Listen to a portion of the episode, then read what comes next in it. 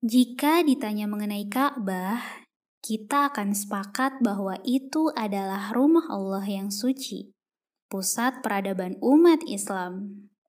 Lantas, bagaimana ya cerita awal mula pembangunan Ka'bah? Dan ternyata ada larangan buang hajat dengan menghadap atau membelakangi Ka'bah loh. Lantas, dalilnya dari mana ya? Yuk kita kupas sama-sama.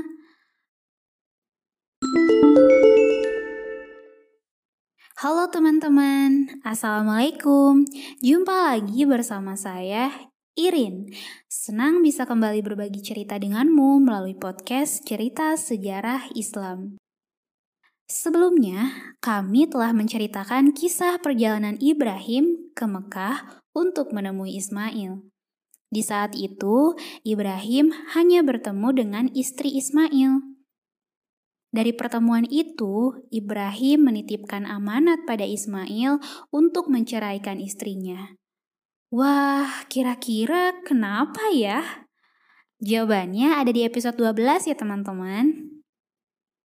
Nah, walaupun Nabi Ibrahim telah bolak-balik dari Palestina ke Syam, ia tetap belum berkesempatan menemui putranya itu. Hingga suatu ketika, perintah Allah membuat Ibrahim bisa bertemu dengan Ismail. Ketika melihat kedatangan Ibrahim, Ismail yang saat itu meraut anak panah di dekat sumur Zam-Zam segera bangkit Selanjutnya terjadilah pertemuan antara keduanya sebagaimana yang biasa terjadi antara anak dan ayahnya. Ibrahim berkata, "Wahai Ismail, sesungguhnya Allah memerintahkan aku untuk melaksanakan suatu urusan." Ismail menjawab, "Lakukanlah apa yang diperintahkan Tuhan kepada ayah." Ibrahim diperintahkan Allah untuk membangun Ka'bah di Mekah. Hanya saja Ibrahim belum mengetahui titik pasti lokasinya. Akhirnya Allah mengutus angin bernama Al-Khazuj yang mempunyai dua sayap dan berkepala ular. Angin tersebut terbang dan melingkar di sekeliling tempat yang akan digunakan untuk membangun Ka'bah. Tak menunggu lama, Ibrahim dan Ismail lalu mengikuti arahan angin tersebut. Pembangunan Baitullah dimulai dengan memasang pondasi-pondasi dan tiang-tiang utamanya. Ismail menyiapkan batu-batu dan Ibrahim yang membangunnya. Setelah selesai membuat pondasi dan tiang utama Ka'bah, Ibrahim berkata kepada Ismail, "Wahai putraku, carilah sebuah batu untukku, batu yang baik dan berkualitas untuk diletakkan di tempat ini."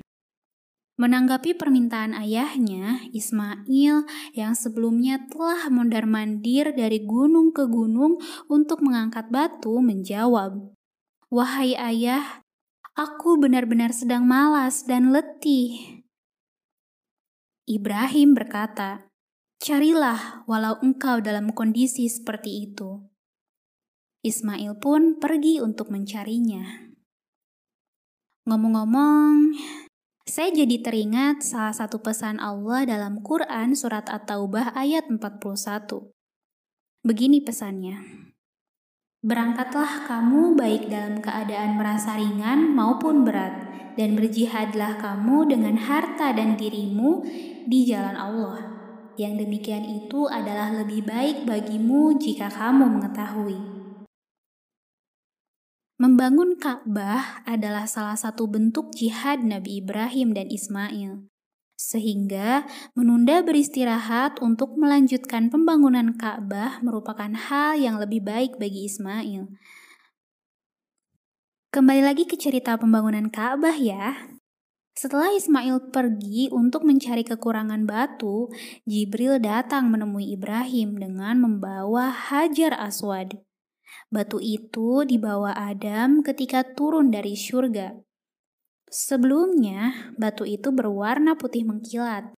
Lalu warnanya berubah menjadi hitam legam karena dosa-dosa manusia. Tidak lama kemudian, Ismail kembali menemui Ibrahim sambil membawa batu. Saat itu Ismail melihat sebongkah batu yang sudah ada di pojok tiang pondasi. Wahai ayah, siapakah yang membawa batu itu kepadamu? Tanya Ismail. Batu itu dibawa oleh malaikat yang lebih gesit darimu. Jawab Ibrahim. Setelah itu mereka berdua membangun Baitullah hingga selesai. Keduanya pun berdoa. Ya Tuhan kami, terimalah dari kami amalan kami. Sesungguhnya Engkaulah yang maha mendengar lagi maha mengetahui. Doa Nabi Ibrahim ini tercatat dalam Quran Surat Al-Baqarah ayat 127. Sejak saat itulah terbentuk rumah peribadatan pada Allah yang pertama. Dalam Quran Surat Ali Imran ayat ke-96, Allah berfirman, Sesungguhnya rumah yang mula-mula dibangun untuk tempat beribadah manusia adalah Baitullah yang di Bakkah atau Mekah yang diberkahi dan menjadi petunjuk bagi semua manusia. Itulah sebabnya Ibrahim sang Khalilullah ketika membangun Baitullah bagi penduduk bumi berhak menempati kedudukan mulia dan derajat tertinggi di antara penduduk langit. Salah satu keistimewaan Baitullah adalah letaknya yang sejajar dengan Baitul Makmur. Baitul Makmur sendiri merupakan Ka'bah bagi penduduk langit yang terletak di dekat Arsh atau singgasana Allah. Ibnu Abbas mengatakan bahwa Nabi Muhammad Shallallahu Alaihi Wasallam bersabda, Baitul Makmur sepadan dengan lokasi Baitul Haram di Mekah. Seandainya ia terjatuh dari langit keempat, pasti akan mendarat tepat di lokasi Baitul Haram. Ali bin Abi Thalib pun pernah menuturkan, setiap hari sebanyak 70 ribu malaikat memasuki Baitul Makmur untuk beribadah kepada Allah di dalamnya. Setelah itu, mereka tidak pernah kembali lagi ke tempat tersebut sampai datang hari kiamat karena hari selanjutnya merupakan giliran 70 ribu malaikat lainnya untuk beribadah di dalamnya. Saking istimewanya Baitul Makmur, Allah Subhanahu wa taala sampai bersumpah dalam Quran surat At-Tur ayat 1 sampai 4 yang berbunyi Demi Bukit Tur dan kitab yang ditulis pada lembaran yang terbuka dan demi Baitul Makmur Teman-teman, sebagai umat Muslim, ternyata ada hal-hal yang harus kita lakukan sebagai bentuk pengagungan kita terhadap Baitullah, loh. Hal ini berkaitan dengan adab dalam berhajat besar maupun kecil. Dari Abu Ayyub Al-Ansori, Nabi Shallallahu Alaihi Wasallam bersabda, "Jika kalian mendatangi jamban, maka janganlah kalian menghadap kiblat dan membelakanginya." Akan tetapi, hadapkanlah ke arah timur atau barat. Yang dimaksud dengan hadaplah arah barat dan timur adalah ketika kondisinya di Madinah, karena arah kiblat di Madinah adalah menghadap ke selatan. Ini bagi kota Madinah, sedangkan untuk daerah lainnya tinggal menyesuaikan letak Ka'bah saja ya. Saat ini, masih banyak perbedaan pendapat mengenai hukum menghadap atau membelakangi Ka'bah saat berhajat. Ada yang melarang sepenuhnya, ada yang membolehkan. Namun, pendapat terkuat datang dari Imam Malik, Imam Syafi'i, dan Imam Ahmad. Mereka berpendapat dilarang jika berada di luar bangunan dan diperbolehkan jika di dalam bangunan. Maksudnya, diperbolehkan melakukan hajat menghadap atau menghalangi Ka'bah jika terdapat penghalang di antaranya. Pendapat tersebut dikuatkan oleh sebuah hadis riwayat Bukhari dan Muslim. Ibnu Umar radhiyallahu anhu pernah mengatakan, Aku pernah menaiki rumah Hafsah karena ada sebagian keperluanku. Lantas aku melihat Rasulullah Shallallahu Alaihi Wasallam buang hajat dengan membelakangi kiblat dan menghadap Syam.